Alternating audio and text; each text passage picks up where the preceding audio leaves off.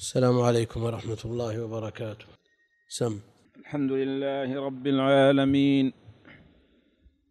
الحمد لله رب العالمين وصلى الله وسلم على نبينا محمد وعلى آله وصحبه.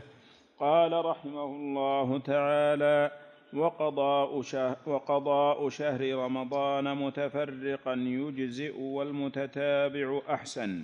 ومن أفضل. سم أحسن ولا أفضل عندي أحسن. عندكم أفضل يا شيخ؟ أي نعم. عندنا أحسن. نسخ أخرى. ومن نفس دخل النسخة نفس الطبعة. سم ما صرت تجيب النسخة المخطوطة حق لعلي يأتي بها في إيه. الأسبوع القادم. تنفعنا كثير. إن شاء الله. نعم. ومن دخل في صيام تطوع فخرج منه فلا قضاء عليه. وإن قضاه فحسن. وإذا كان للغلام عشر سنين وأطاق الصيام أخذ به. وإذا أسلم الكافر في شهر رمضان صام ما يستقبل من بقية شهره. ومن راى هلال شهر رمضان وحده صام. فإن كان عدلا صوم الناس بقوله ولا يفطر إلا بشهادة عدلين.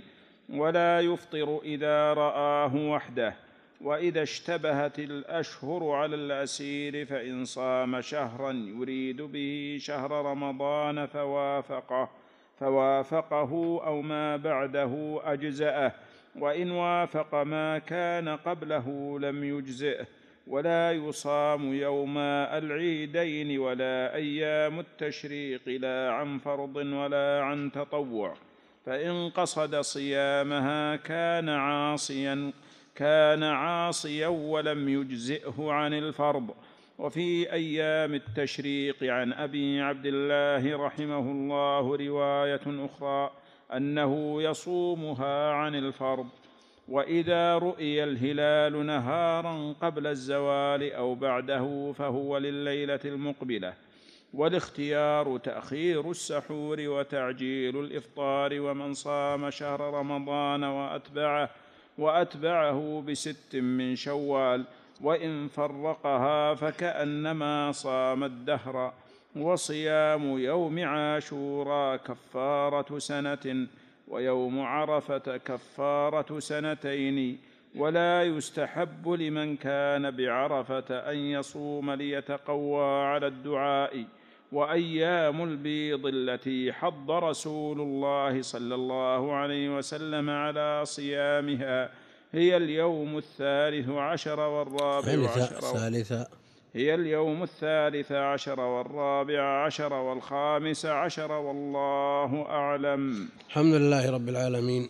وصلى الله وسلم وبارك على عبده ورسوله نبينا محمد وعلى آله وأصحابه أجمعين. قال المؤلف رحمه الله تعالى ومن دخل في صيام تطوع فخرج منه فلا قضاء عليه وإن قضاه فحسن؟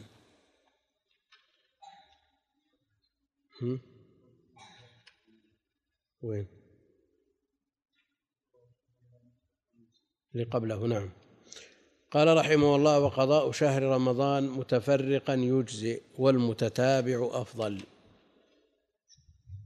من أفطر في شهر رمضان بعذر أو بغير عذر إلا أنه بعذر لا إثم عليه سفر أو مرض لا إثم عليه لكن عليه القضاء. فعدة من أيام أخر. وإن أفطر في شهر رمضان من غير عذر فإثمه عظيم. ارتكب أمرا عظيما في الشرع جاء في شأنه من أفطر يوما من رمضان بغير عذر لم يقضه صيام الدهر وإن صام بعض الناس يقول لا يقضي.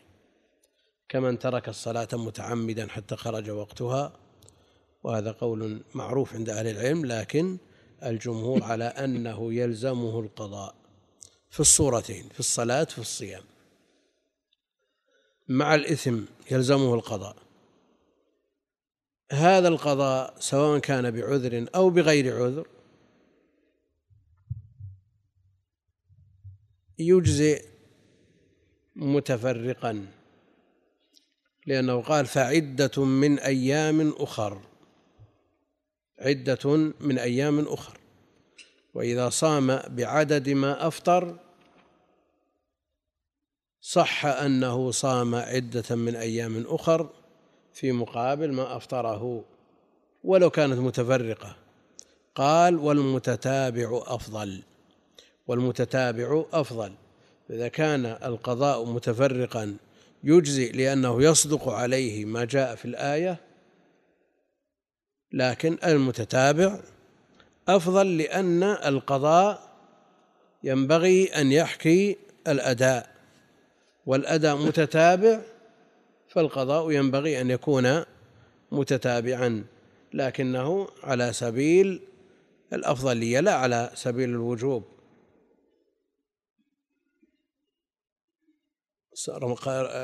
صيام رمضان متتابع. هذا الأصل فيه. فقضاؤه ينبغي أن يكون متتابعا. فالقضاء كما يقرر أهل العلم أنه يحكي الأداء هذا الأصل فيه. لكن لو قضاءه متفرقا أجزأه ولا آه، يلحقه لوم ولا إثم لأنه يصدق عليه أنه صام عدة من أيام أخرى في مقابل ما أفطر. قال ومن دخل في صيام تطوع فخرج منه خرج منه إما لحاجة أو لغير حاجة. فإن كان لحاجة فلا فلا فلا خلاف في أنه يجوز له أن يخرج منه. وإن كان لغير حاجة فلا شك أن هذا من إبطال العمل وهو أمر مرغوب عنه في الشرع. وهو نكوص عن هذه العبادة التي شرع فيها لكن الأكثر على أنه لا إثم عليه ولا يلزمه القضاء لأن المتطوع أمير نفسه ولا يلزم تطوع بالشروع إلا في الحج والعمرة وأتموا الحج والعمرة لله. أما ما عداهما من العبادات فإن المتطوع أمير نفسه له أن يخرج فإن كان بعذر فلا إشكال عند أهل العلم وإن كان بغير عذر فإنه فإن من أهل العلم من يلزمه بالقضاء. وعدم الإلزام بالقضاء قول الحنابلة كما هنا فلا قضاء عليه وهو قول الشافعية. وعند المالكية والحنفية يلزمه القضاء. إذا شرع فيه ثم قطعه يلزمه القضاء. وفي الصحيح أن سلمان الفارسي زار أبا الدرداء فأراد أن يقوم الليل فأمره بالانتظار. ثم أراد أن يقوم ثانية فأمره بالانتظار إلى أن حل الثلث الأخير من الليل فقام وبالدردة يريد أن يقوم من أول الليل. ثم صام من الغد فأمره سلمان بالفطر. وذكر الحديث وفيه أن النبي عليه الصلاة والسلام قال صدق سلمان. إن لنفسك عليك حقا وإن لأهلك عليك حقا وإن لزورك عليك حقا من الزائر. صدق سلمان. فالحديث يدل على أنه يجوز أن يخرج من صوم التطوع لا سيما إذا وجد سبب من زائر ونحوه. وأما بالنسبة للقضاء فمسكوت عنه.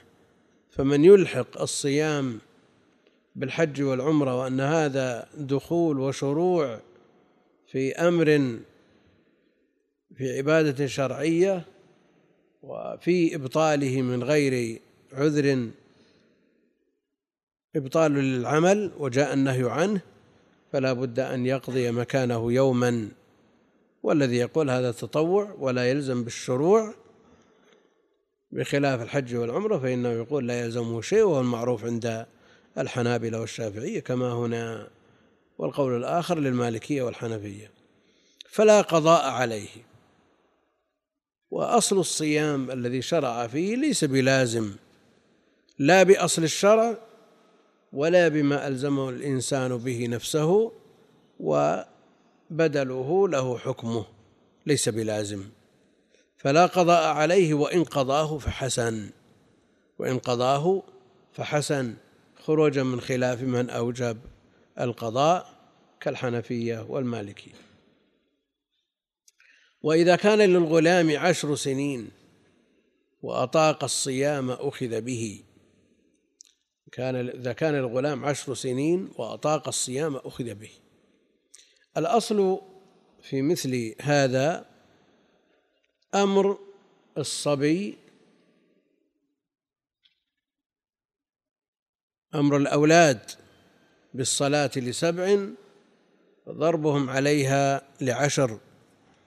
مروا أولادك بالصلاة لسبع واضربوهم عليها لعشر. ويكون هذا من باب التمرين لا على سبيل الإيجاب. ما لم يبلغ ويكلف لأنه لا يؤاخذ بترك المأمورات أو بفعل المحظورات إلا إذا كلف لأن القلم مرفوع عنه. حديث رفع القلم عن ثلاثة ومنهم الصبي حتى يبلغ. الصبي ما لم يبلغ يؤمر بالصلاة ويؤمر بالصيام ويحث على فعل الخيرات وترك المنكرات من باب التمرين يتعود عليها. فالأب الذي يحرص على ولده من آه، بلوغه السبع تمام السبع يأمره بالصلاة في كل وقت ويضربه عليها إذا بل كمل العشر فإن هذا في الغالب هذا الولد يعتاد هذه العبادة. و آه، نفسه لها ولا يظن به أن يتركها إذا كلف وبلغ فهذا مما يعينه في مستقبل أيامه. والله جل وعلا يكافئ ويكافئ والده بامتثال الأمر بأن يعينه على صلاحه. فالغالب أن الذين يتركون الصلاة إذا كلفوا ويتساهلون فيها تجد هناك تفريط في التمرين قبل البلوغ.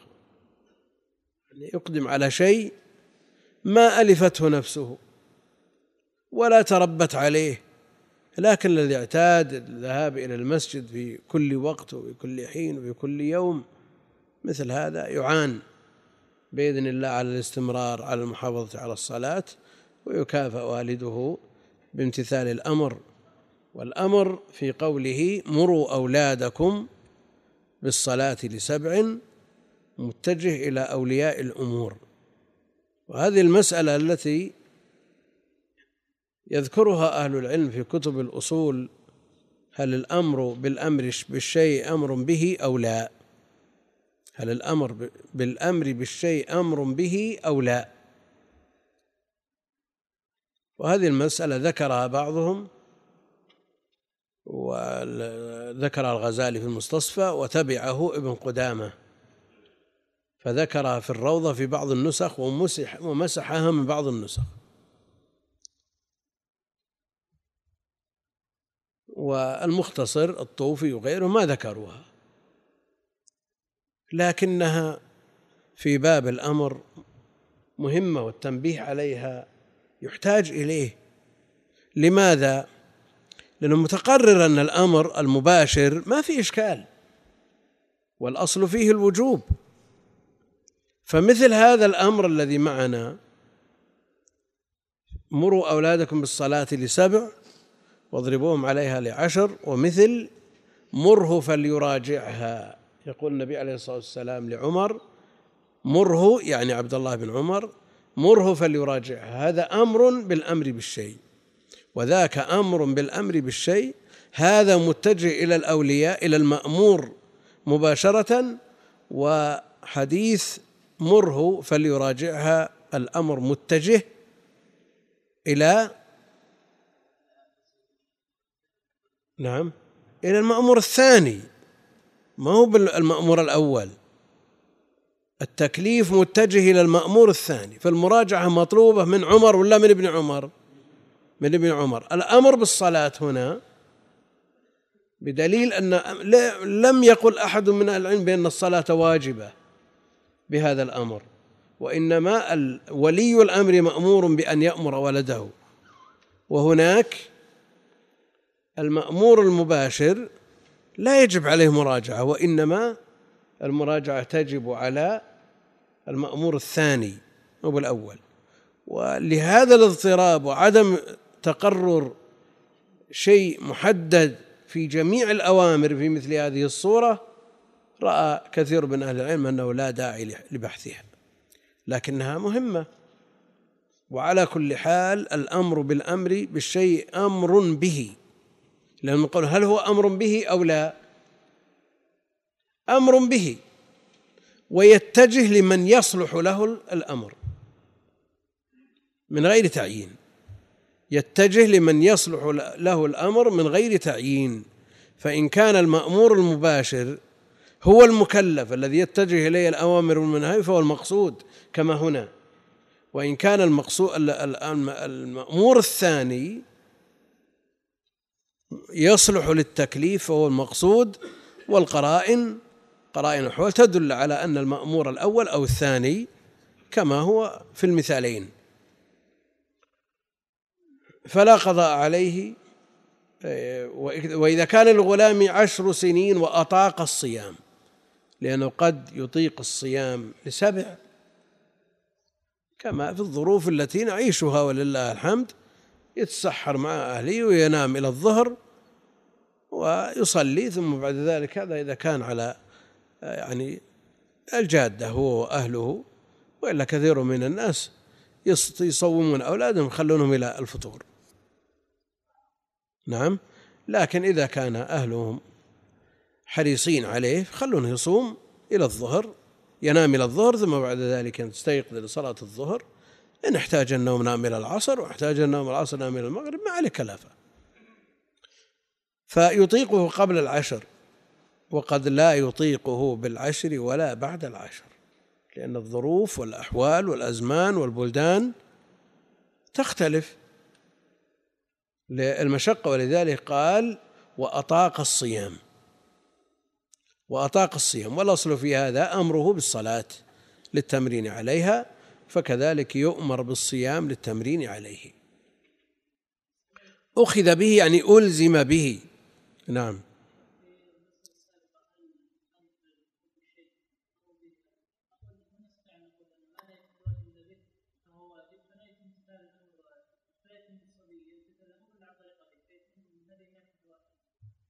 لا هو الأمر في هذه الصورة متجه إلى الأب لولي الأمر لأن المطلوب منه الفعل ليس مكلفا. فيتجه الأمر آه، لوليه. في مسألة مره فليراجعها المراجعة مطلوبة من المأمور الثاني ما هم من المأمور الأول. ولذلك لا يحكم بشيء أو بحكم مضطرد وإنما يخضع المراد من الأمر والمأمور للقرائن التي تحتف بالقضية. وإذا كان الغلام عشر سنين وأطاق الصيام أخذ به ومنهم من يقول 12 سنة ومنهم من يقول قبل ذلك المقصود أن المسألة معلقة بإطاقته الصيام. متى ما أطاق الصيام يؤخذ به ويكلف به لا على سبيل الإلزام والإيجاب وإنما على سبيل التمرين. نعم.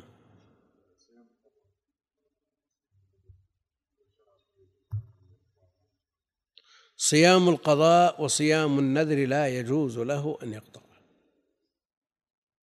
لا يجوز له أن يقطعه لأن هذا واجب وشرع فيه ودخل فيه. فلا يجوز قطع الواجب إلا لشيء آه، ليس بمقدوره أو شيء لا يطيقه أو احتاج حاجة شديدة التي تنزل منزلة الضرورة. لكن أحسن الله إليك. لا لا. هو آثم لكن ليس كمن أفطر في رمضان. نعم. لو صامت المرأة القضاء بدون إذن زوجها هل إيه. يملك أن يفطرها؟ ليس له أن يفطرها قضاء واجب وليس له أن يفطرها لكن من باب العشرة بالمعروف آه، لو استأذنته هل تصوم هذا اليوم أو لا فإنها ها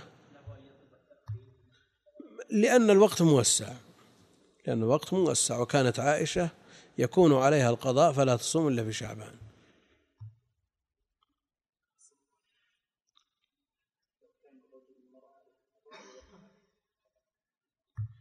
يأثم يأثم الطرفان إذا كان برضاها يأثم الإثم حاصل وارتكبوا محرم ويلزمهم القضاء ولا كفارة.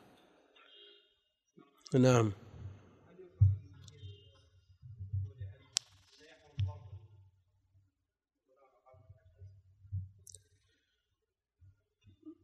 الضرب اللي ما يضر الضرب الذي لا يضر لا شك أنه من باب الأدب ومعروف ومتوارث من من سلف الأمة إلى يومنا هذا ما لا يضر. لأن يعني بعض الناس نزعت الرحمة من قلبه فتجد يضرب ضرب مبرح لشخص غير مكلف ولشيء تافه. الآن مضع منع الضرب في المدارس. وفي وقتنا لما كنا ندرس في المراحل الأولى. صحيح أن في ذلك الوقت في طلبة كبار في الابتدائي يتحملون لكنهم يضربون ضرب غرائب الإبل. شيء ما يخطر على البال. يتحملون كبار وأجلاف في بداية التعليم ذاك الوقت. في كبير صغير أبو عشر سنين أبو ثمان أبو سبع لكن معهم أبو خمسة عشر أبو عشرين ويؤذون. ويعتدون فيضربون. الآن تقاربت الأسنان. ما تجد اعتداء مثل ما كان في السابق. فمنع الضرب ومنعه بالكلية ما هو بعلاج. الطالب إذا ما هاب المدرس ما ما أخذ عنه ولا امتثل وانصاع لأوامره ولا لا بد من أن يحل الوضع بشيء بحل مناسب. لا يمنع بالكلية ولا يترك المجال لبعض المدرسين الذين نزعت الرحمة من قلوبهم. قال وإذا أسلم الكافر في شهر رمضان صام ما يستقبل من بقية شهره. إذا أسلم في أثناء النهار يلزمه الإمساك ولا يلزمه القضاء.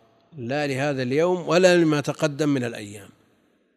لأن تكليفه بدأ من إسلامه.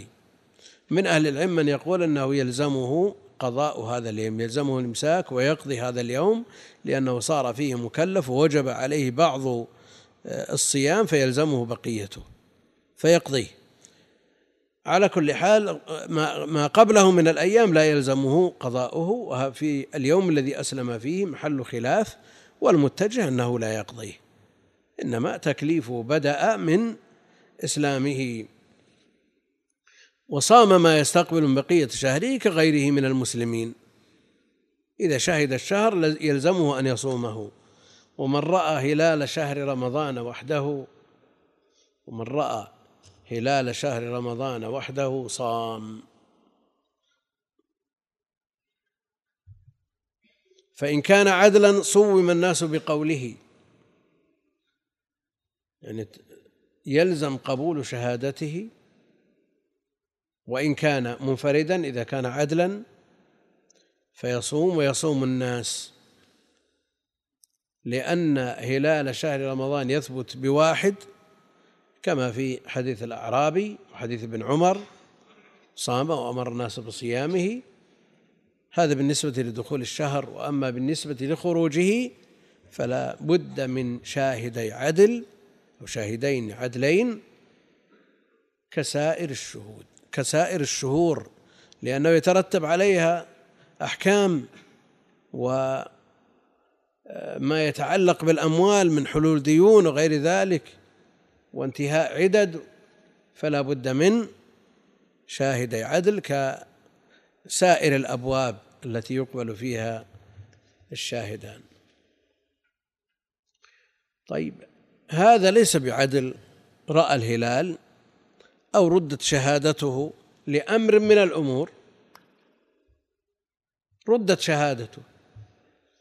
يقول من رأى هلال شهر رمضان وحده صام. يعني سواء صام الناس معه أو لم يصوموا.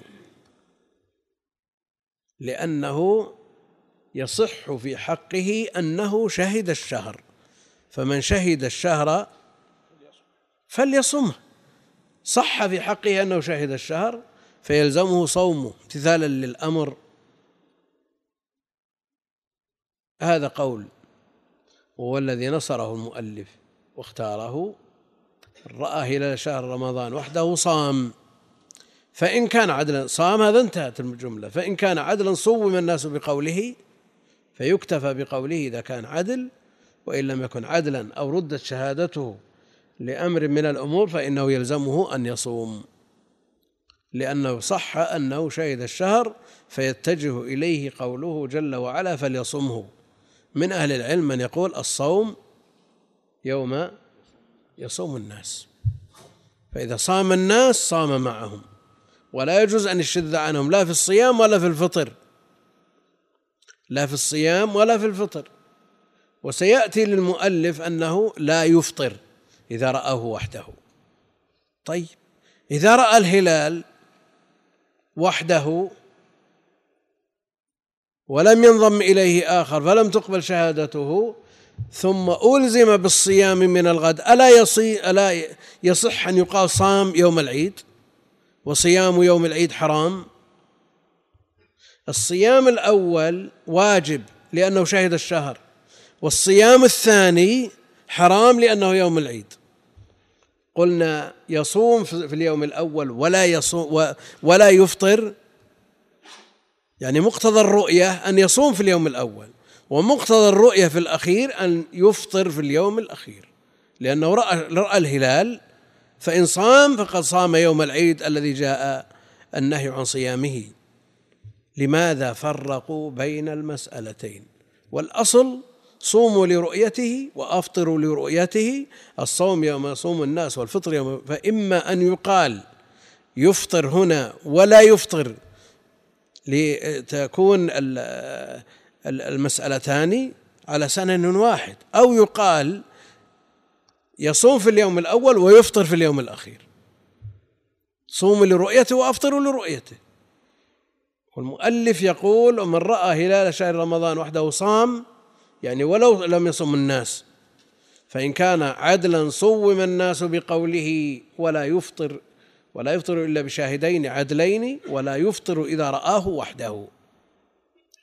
الآن إذا ألزمناه بالصيام في اليوم الأول لرؤيته شهد الشهر فليصمه. صوموا لرؤيته صح أنه رآه؟ لماذا لا نقول يفطر لقوله وأفطر لرؤيته؟ نعم.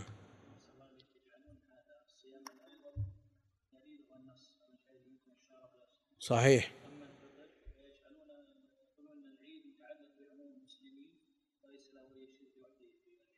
لأن العيد لو ثبت أن هذا اليوم عيد ولم يرى الهلال أو ما جاء الخبر إلا بعد في وقت بعد الزوال ما يسمى هذا عيد.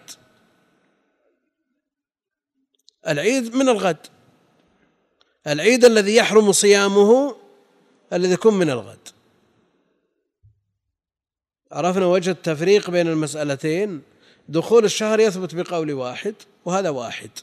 وصح أنه شهد الشهر صوم لرؤيته وقد رآه. نعم خرج صيام اليوم الأول من حديث الصوم يوم يصوم الناس لهذه العوارض المعارضة التي تقتضي أن يخرج من الأصل.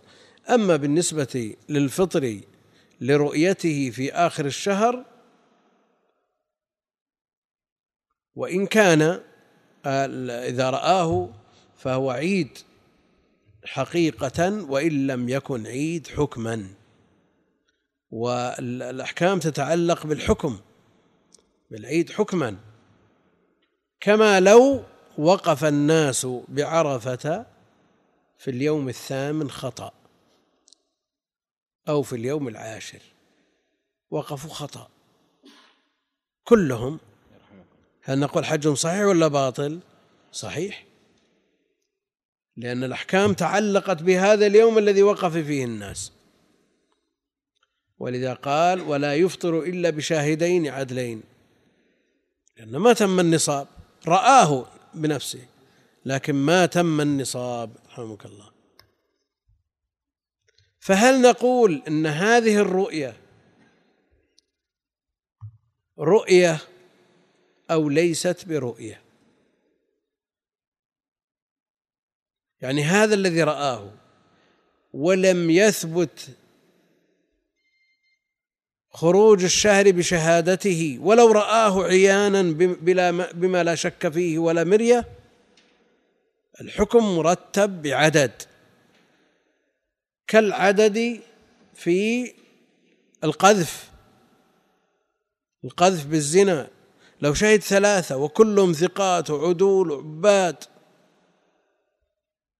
من خيار الناس ما تم النصاب. ما صاروا أربعة. يثبت الحد على المقذوف ولا يثبت الحد عليهم؟ وأولئك عند الله هم الكاذبون. وهذا في حكمهم. ما دام ما تم النصاب ولو رأوه بأم أعينهم وهذا ولو رآه بما لا شك فيه فإن فإنه لا يفطر إلا بشهادة عدلين كغيره. كغيره. ولا يفطر إذا رآه وحده.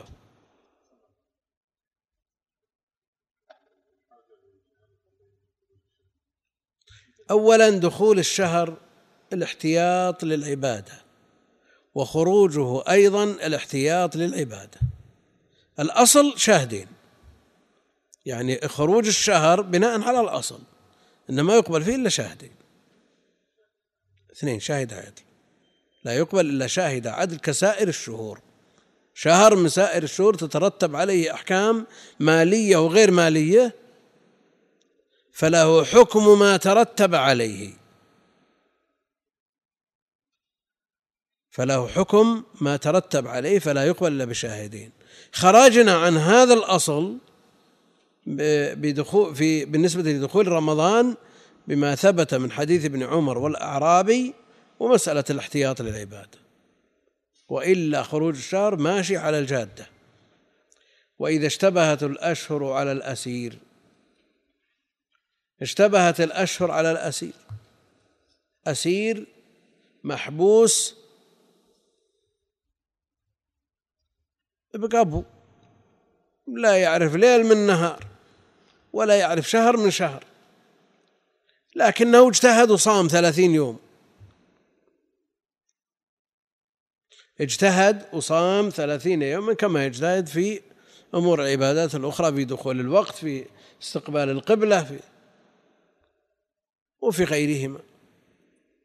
لا يمكن أن يصل إلى حقيقة الأمر في هذه الحالة. لكن يجتهد. واجتهاده معرض للخطأ والصواب. وإذا اشتبه الأشهر على الأسير فإن صام شهرا يريد به شهر رمضان نواه عن رمضان. فلا يخلو إما أن يوافقه أو لا يوافق. إن وافق هذا ما في إشكال يجزئه. إذا لم يوافق فإن كان صيامه قبل شهر رمضان فإنه لا يجزئ. وإن وافق صيامه بعد شهر رمضان فإنه يجزي يكون قضاء. إن وافق الشهر صح وأجزأ أداءً. وإن وافق بعده صح وأجزأ قضاء. وإن لم يوافق وتبين أنه قبل الشهر فإنه لا يجزئ. قال وإذا اشتبهت الأشهر أظن المسألة ظاهرة. وإذا اشتبهت الأشهر على الأسير فإن صام شهرا يريد به شهر رمضان. فوافقه أو ما بعده أجزأه لأنه إما أن يكون صيامه أداء إذا وافق الشهر أو قضاء إذا كان صيامه بعد الشهر لكن لا يصام. كما أنه لا يصلى قبل الوقت إذا لا يصام قبل الوقت. نعم.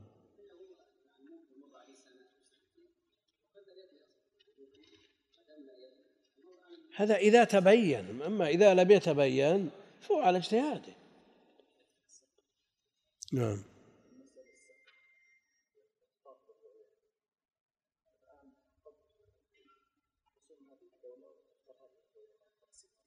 إيه. في بلد في بلد. في يوم يصوم الناس في بلد. نعم.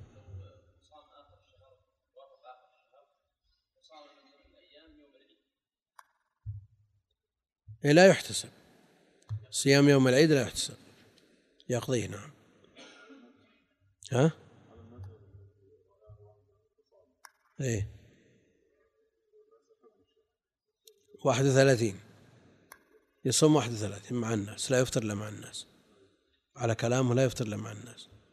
من أهل العلم من يرى أنه إذا رآه صوموا لرؤيته وأفطروا لرؤيته أنه يفطر. كما صام في أول الشهر يفطر في آخر. لكن لا يظهر ذلك للناس لئلا يتهم وإن كان قبله لم يجزه ولا يصام يوم العيدين. يوم العيدين عيد الفطر وعيد الأضحى لا يصامان جاء النهي عن صيامهما ولا يصح صيامهما. لا يصح صيامهما لا ابتداء ولا قضاء لا فرضا ولا نفلا بل يحرم صيامهما يحرم صيامهما. ولا يصام يوم العيدين ولا أيام التشريق. أيام التشريق أيام أكل وشرب وذكر لله عز وجل. فيحرم صيام أيام التشريق لكن مثل حرمة يومي العيدين أو لا؟ نعم. أخف. أخف لماذا؟ لأنه يجوز صيام أيام التشريق ثلاثة الأيام لمن لم يجد الهدي. طيب. ولا أيام التشريق لا عن فرض ولا عن تطوع. لا عن فرض قضاء ولا نذر ولا كفارة ولا عن تطوع. وإن فإن قصد لصيامها كان عاصيا لأنه يحرم صيام أيام العيد والتشريق ولم يجزه عن الفرض ولم يجزه عن الفرض. هل لقوله ولم يجزه عن الفرض أنه يجزيه عن قضاء النفل؟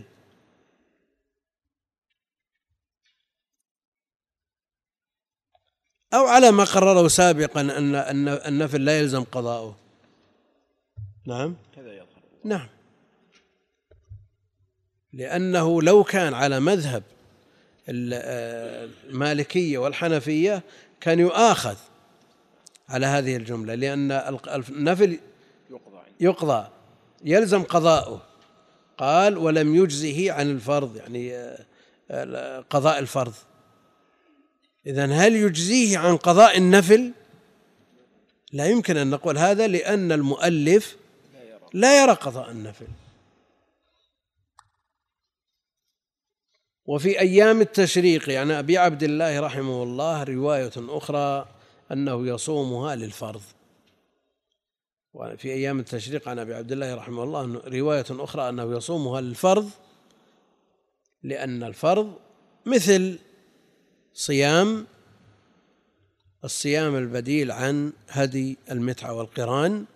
لأنه واجب عليه وجاز صيامه صيام أيام التشريق ثلاث في الحج صيام ثلاثة أيام في الحج إذن الفرض مثله.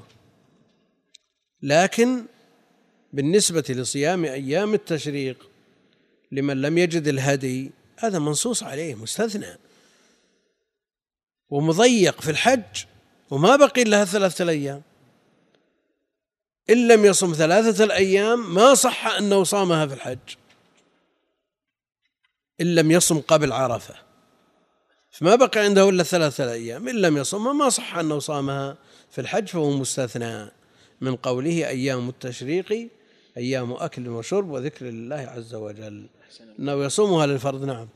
من لزمه صيام أيام التشريق عند من المذهب هل يمنع من التعجل؟ نعم لا بد أن تكون الثلاثة في الحج. لا بد أن تكون في الثلاثة في الحج كما أنه إذا أراد صيامها قبل عرفة أنه يحرم بالحج قبل حتى يصومها في الحج. يحرم في اليوم السادس مثلا يصوم السادس والسابع والثامن ما ينتظر اليوم التروية. قد يقول قائل لماذا يلجأ إلى صيام أيام التشريق وعنده المدة كافية قبل يوم عرفة؟ قال لعله يرجو أن يجد الهدي. فلما ضاق عليه الوقت فلم يجد الهدي صوم أيام التشريق. لا يحمل أنه في الحج أن في أيام الحج ولو لم يكن متلبسا به شيء إذا في أشهر الحج. في أشهر الحج. يمكن أن يقال هذا. عند من يرى أن أشهر الحج إلى آخر أيام الحج كالمالكية. على كل حال هذا الذي مشى عليه المؤلف وهو المتجه. قال وإذا رؤي الهلال نهارا قبل الزوال أو بعده فهو لليلة المقبلة. وإذا رؤي الهلال نهارا قبل الزوال أو بعده فهو لليلة المقبلة. لأن الهلال علامة الليل أو علامة النهار. علامة الليل. فإذا رؤي في النهار بعد انتهاء الليل انتهى حكم تعلق الرؤية بالليلة الماضية. إذا طلع الفجر انتهى تعلق الرؤية بهذه الليلة. رؤية في النهار قبل الزوال أو بعده فهو لليلة المقبلة. لأنه انتهى التعلق بالليلة الماضية بطلوع الفجر. فهو الليلة المقبلة. إيش يترتب على هذا؟ لو قلنا الليلة الماضية أو الليلة المقبلة. رؤي قبل الزوال وبعضهم منهم أن يفرق بين ما قبل الزوال وما بعده. فإذا رؤي قبل الزوال يكون لليلة الماضية. رؤية بعد الزوال يكون الليلة المقبلة. إذا رؤي قبل الزوال يلزم قضاء ذلك اليوم على القول بأنه لليلة الماضية. أما إذا رؤي بعد الزوال فقولا واحدا أنه لليلة المقبلة. يبقى أن الذي مشى عليه المؤلف أنه إذا رؤي في النهار انتهى تعلق الهلال بالليلة الماضية بطلوع الفجر فما بقي إلا تعلقه بالليلة المقبلة. نعم. ها؟ هو المتجه. دام انتهى الليل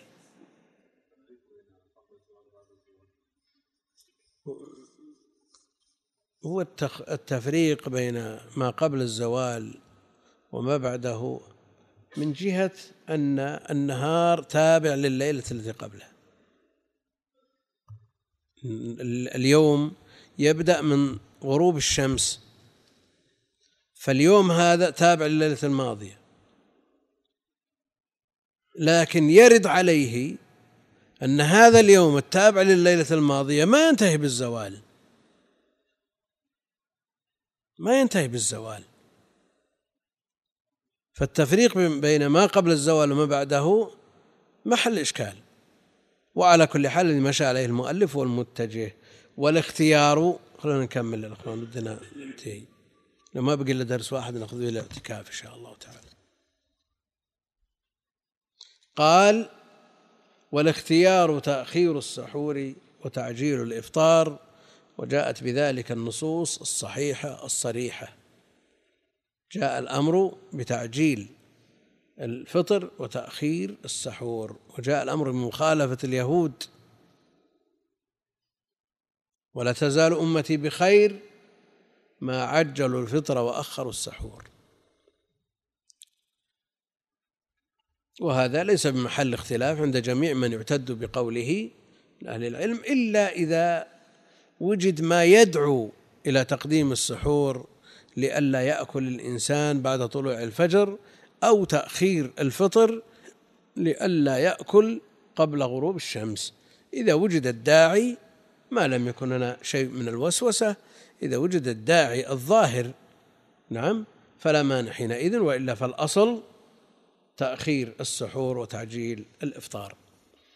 ومن صام في شهر ومن صام شهر رمضان وأتبعه بست من شوال وإن فرقها وإن فرقها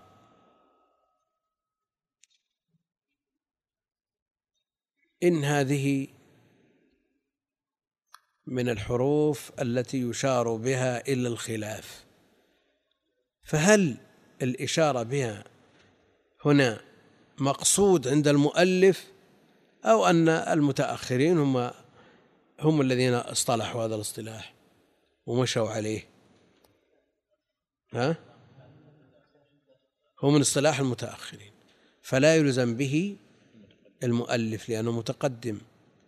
وإن قال وإن فرقها يفهم في منها أن هناك خلاف لو, ما لو عاملناه باصطلاح المتأخرين قلنا هناك خلاف ضعيف في أن تفريقها لا يكفي.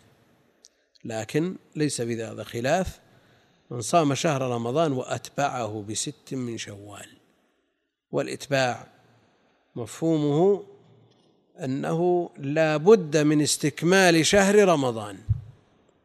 لأنه لا يصح أن يقال أتبعه وقد بقي منه شيء. لا يصح أن يقال أتبع رمضان بست من شوال وقد بقي من شهر رمضان شيء. ولذا لا يجوز التطوع قبل القضاء. لا يجوز التطوع بالست ولا غيرها قبل القضاء. فلا يصح امتثال مثل هذا التوجيه إلا إذا كمل صيام شهر رمضان إما في وقته أو بعد وقته قضاء ثم بعد ذلك صوم الست ويصوم ما شاء من التطوع من الأيام البيض أو الاثنين والخميس يصوم ما شاء. من أهل العلم من يرى أن صيام الست يجوز تقديمها على القضاء. فلا يظن بعائشة أنها لا تصوم الست ولا تصوم يوم عرفة ولا تصوم يوم عاشوراء لأنها تؤخر القضاء إلى شعبان. ما يظن بها المرأة العالمة العابدة الحريصة أنها لا تصوم هذه النوافل وثبت عنها أنها تؤخر القضاء إلى شعبان لمكان رسول الله صلى الله عليه وسلم. لكن يجاب عن هذا بأنها مكان رسول الله صلى الله عليه وسلم الذي يؤثر على القضاء وهو واجب ألا يؤثر على المندوبات؟ نعم من باب أولى. فعلى هذا المعتمد أنه لا يصام شيء من التطوع حتى تبرأ الذمة من عهدة الواجب. بهذا يتم امتثال أتباعها ست من شوال. الإمام مالك رحمه الله يقرر في موطئه أنه لا لم يرى أحد من أهل العلم والفضل والفقه يصوم الست من شوال. وقربها من البدعة. قربها من البدعة. هذا كلام الإمام مالك في الموطأ وبعث في هذه الأيام وشهر. لكن عامة أهل العلم على استحبابها وحديث أبي أيوب في مسلم. واضح. لا إشكال فيه صحيح صريح. وإذا ثبت الخبر بسند صحيح عن النبي عليه الصلاة والسلام فلا نلتفت إلى قول أحد كائنا من كان. والإمام مالك رحمه الله نفسه يقول إذا جاء نهر الله بطل نهر معقل. إذا جاء نهر الله بطل نهر معقل. أيضا الاعتكاف للإمام مالك فيه كلام وأن الناس ما كانوا يصومونه يعتكفون ما كان الناس الذين أدركهم يعتكفون. لكن خريف في دار الهجرة وفي مسجد النبي عليه الصلاة والسلام وسنن جاءت في الأحاديث المستفيضة الصحيحة الصريحة. صام النبي اعتكف النبي عليه الصلاة والسلام واعتكف أزواجه من بعده وما زال هو دأب الصالحين ومع ذلك يقول مثل هذا الكلام كلام مثار غرابة. الإمام مالك نجم السنن وإمام من أئمة المسلمين وأحد يتكلم فيه في في نقله وفي قصده أبدا. ما يمكن أن يتطاول عليه أحد لكن يبقى أن القدوة والأسوة هو النبي عليه الصلاة والسلام والعمل على ما جاء عنه دون غيره. نعم.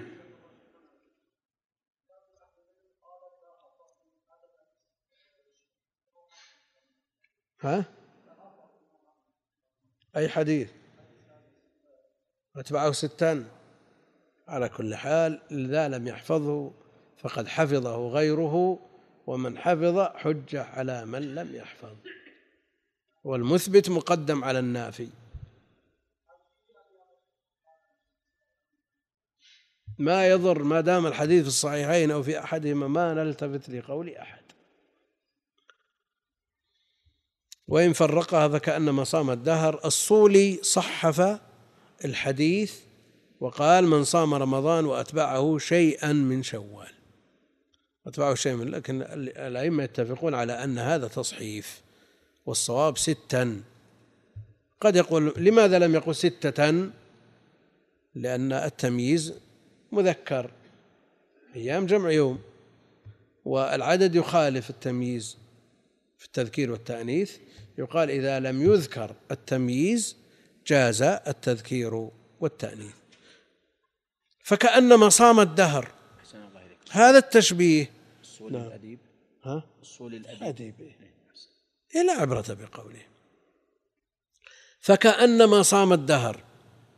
الآن صيام رمضان مع الست مرغب فيه ولا غير مرغب فيه؟ صيام الدهر مرغب فيه ولا لا؟ كامل إيه؟ كأنما صام الدهر منهي عنه. منهي عن صيام الدهر.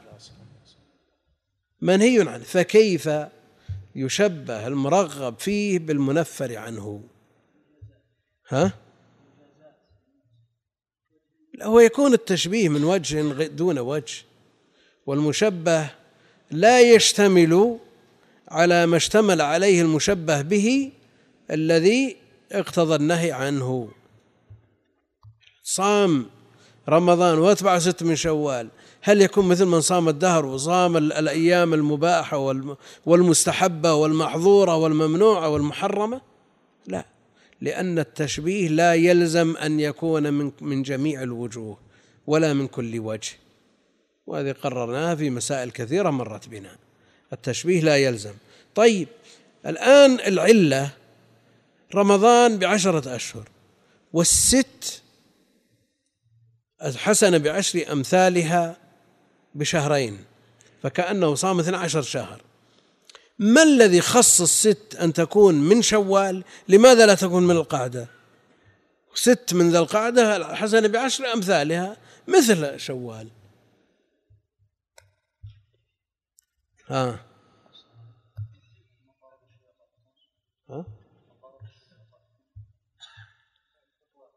ها؟ طيب.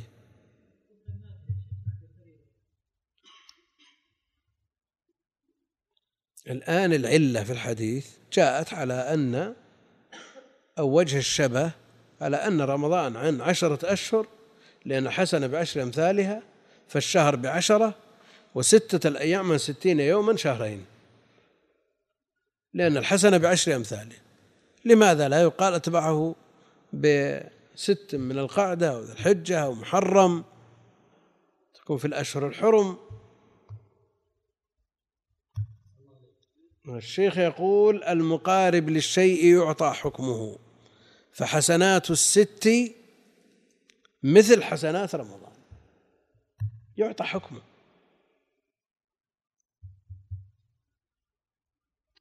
وإذا لو صام ست من القعدة هل نقول إن أجرها مثل الست من شوال؟ لا. لأنها ضمت إلى الشهر فدل على أن أيام الست لا فرق بينها وبين أيام الشهر. ضمت إليه وصار حكمه حكمها. صارت مثل الدهر مجموعة.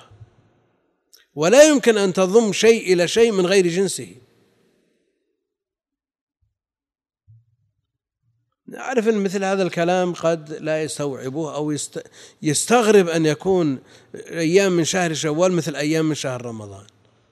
الشرع الذي قرر هذا ضم الست من شوال وكمل بها رمضان فأخذت حكمه. لكن لو صام من القعدة صح أنه صام ستة أيام من القعدة وعن شهرين لكن ليس من شهرين مثل رمضان. الله إليك. نعم. لو فاتته الست لعذر فهل يقضيها؟ إذا فاتته الست لعذر مقتضى التعليل لا. لكن لو فاته وقت الأضحية أو زكاة الفطر لعذر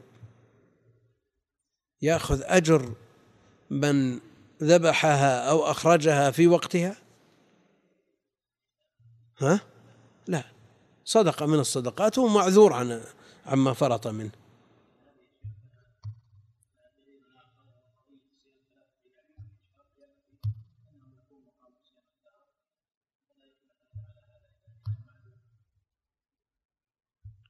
إيه؟ لكن يبقى أن التشبيه بصيام الدهر مثل ما قلنا ليس من كل وجه. صيام الدهر فيه الأيام الفاضلة والمفضولة وإذا صام ثلاثة أيام من كل شهر صح أنه كمن صام الدهر لأنه الحسنة بعشر أمثالها. لكن دهر من جنس رمضان ولا من جنس الأيام العادية؟ من سائر الأيام. وصيام يوم عاشوراء كفارة سنة. صيام يوم عاشوراء كفارة سنة. النبي عليه الصلاة والسلام جاء المدينة وجد الناس يصومون في يوم عاشوراء فسألهم وجد اليهود يصومون يوم عاشوراء فسألهم فقالوا هذا يوم نجى الله فيه موسى وقومه وهلك فرعون وقومه. قال نحن أحق أحق بموسى. فصامه وأمر بصيامه وكان في أول الأمر واجب قبل فرض رمضان.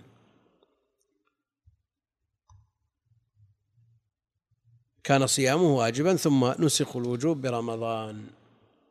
نحن أحق بموسى. دليل على أنه أول ما قدم المدينة صامه وأمر بصيامه. في آخر عمره عليه الصلاة والسلام قال لئن بقيت إلى قابل لأصومن التاسع. يعني مع العاشر مخالفة لليهود. طيب صام من السنة الثانية الأولى ما جاء في محرم. إلى السنة التاسعة والعاشرة العاشرة. نعم. ما خالف اليهود وما صام التاسع إنما قرر وعزم على أن يصوم التاسع في آخر عمره. لماذا؟ ما خالف اليهود من قدم بتسع سنين. كان عليه الصلاة والسلام يحب موافقة اليهود تاليفا لهم. فلما أيس منهم حرص على مخالفتهم وأمر بذلك.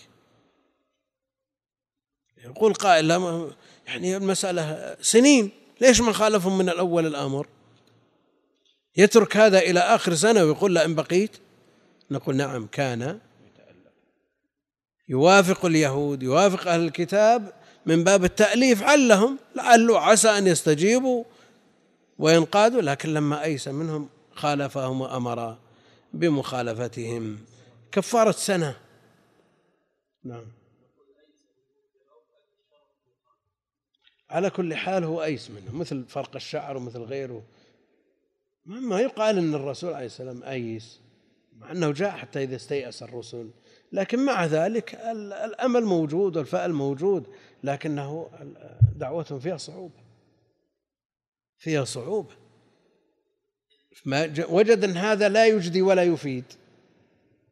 يلجأ إلى الأسلوب الثاني. كالهجر والصلة.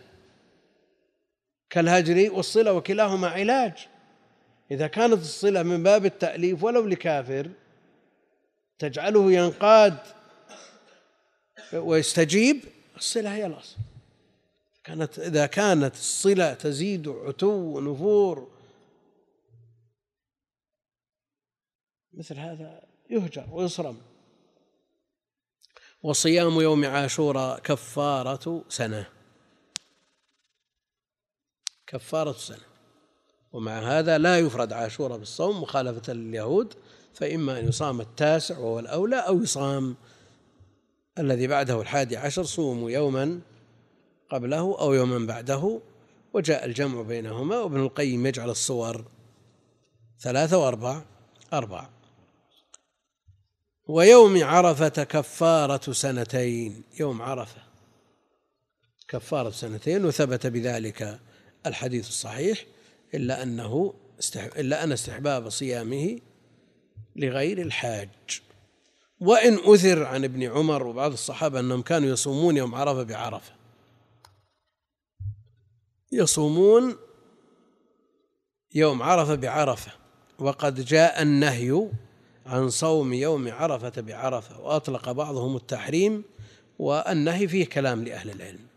ولذا التعليل أنه آه، ليتقوى بذلك على الدعاء.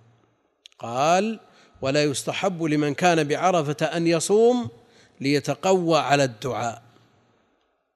العلة تقتضي المنع ولا لا؟ تحريم ولا ما تقتضي؟ ما تنهض للتحريم. ما تنهض للتحريم لأن بعض الناس قد يكون صائما أقوى منه على العبادة وهو مفطر. فهل نقول مثل هذا صيامه أفضل؟ وإن ثبت نهى عن صوم يوم عرفة بعرفة وأفطر النبي عليه الصلاة والسلام والجمع كلهم يرونه ولا شك أن الاقتداء به هو الأصل فهل ينهض هذا هذا الإفطار منه عليه الصلاة والسلام والعلة لتقوى بذلك على الدعاء على تحريم صوم يوم عرفة بعرفة أو نقول إنه مكروه أو خلاف الأولى ويبقى أن من الصحابة من صام كابن عمر وغيره إلا أن الانكفاف عن صيامه لا شك أنه هو المتقرر ولو صح الخبر لاتجه القول بتحريمه. إيه؟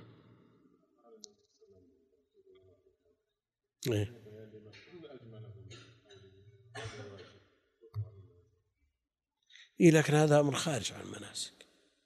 أمر خارج عن الفطر والصيام. قراءة القرآن خارج عن المناسك. مثل ما يقول بعضهم أن الحائض تقرأ القرآن بدليل افعلي ما يفعل الحاج غير أن لا تطوفي بالبيت. نعم؟ ما قال ولا تقرأ القرآن ولا تقرأ ولا تقرأ القرآن. هذا ليس هذا من الأعمال الخاصة بالحج لينبه عليه؟ وأيام البيض أيام البيض التي يكتمل فيها البدر الثالث عشر والرابع عشر والخامس عشر جاء الحث بما لا شك فيه ولا مرية على صيام ثلاثة أيام من كل شهر وأوصى بها النبي صلى الله عليه وسلم جمعا من أصحابه كأبي هريرة وأبي ذر وأبي الدرداء وأن يصوم ثلاث أيام من كل شهر وجاء أن من صام ثلاثة من كل شهر كمن صام الدهر لأن الحسنة بعشر أمثاله كما أشرنا سابقا. آه، هذه الثلاثة تعيينها بأيام البيض والثالث عشر الرابع عشر الخامس عشر ما هو في القوة مثل ثبوت صيام ثلاثة أيام لكنه يصلح للتفسير يصلح للتفسير. يصلح التفسير تفسير الأيام و ويصلح أيضا هو ينهض للاحتجاج ليس بضعيف شديد الضعف في مثل هذا الباب. والله أعلم صلى الله وسلم على نبينا محمد وعلى آله وصحبه أجمعين.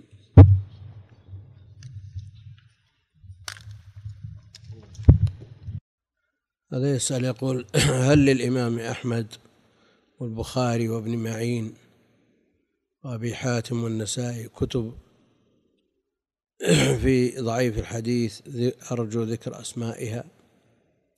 الأئمة لهم مصنفات في السنة كثيرة جدا لكن أكثرها لم يصل إلينا.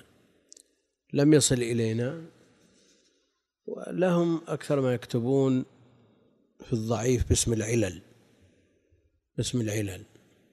الإمام أحمد له له علل وابن معين له علل وأبي حاتم له علل.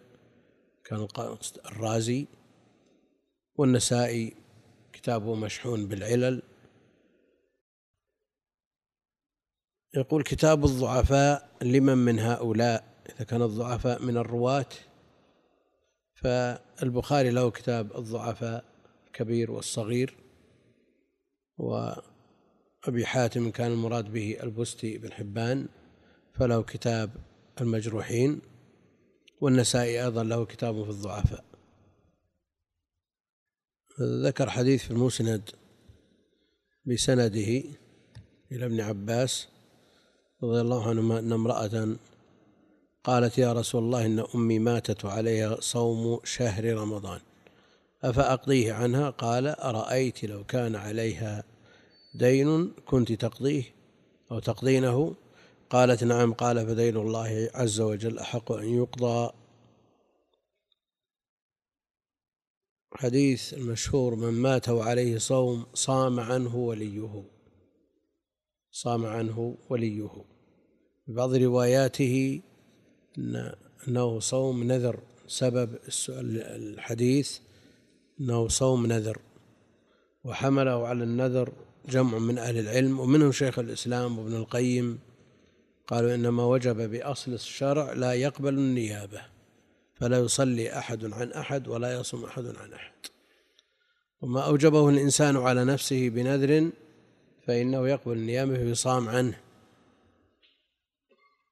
وذكرنا في درس مضى أن التنصيص على النذر بعض أو فرد من أفراد العام الذي هو الصوم فلا يقتضي التخصيص. من صام عليه من مات وعليه صوم صام عنه ولي في النذر وغيره. وهنا يقول إن أمي ماتت وعليها صوم شهر رمضان أفأقضيه عنها وظاهر السند الصحة. إن سلم من عنعنة الأعمش وإلا فظاهره الصحة. مع أنه يقول هنا التعليق قال الشيخ ابن باز في حاشيته على البلوغ وإسناده على شرط الصحيحين مع أنه قال حدثنا أبو معاوية قال حدثنا الأعمش عن مسلم.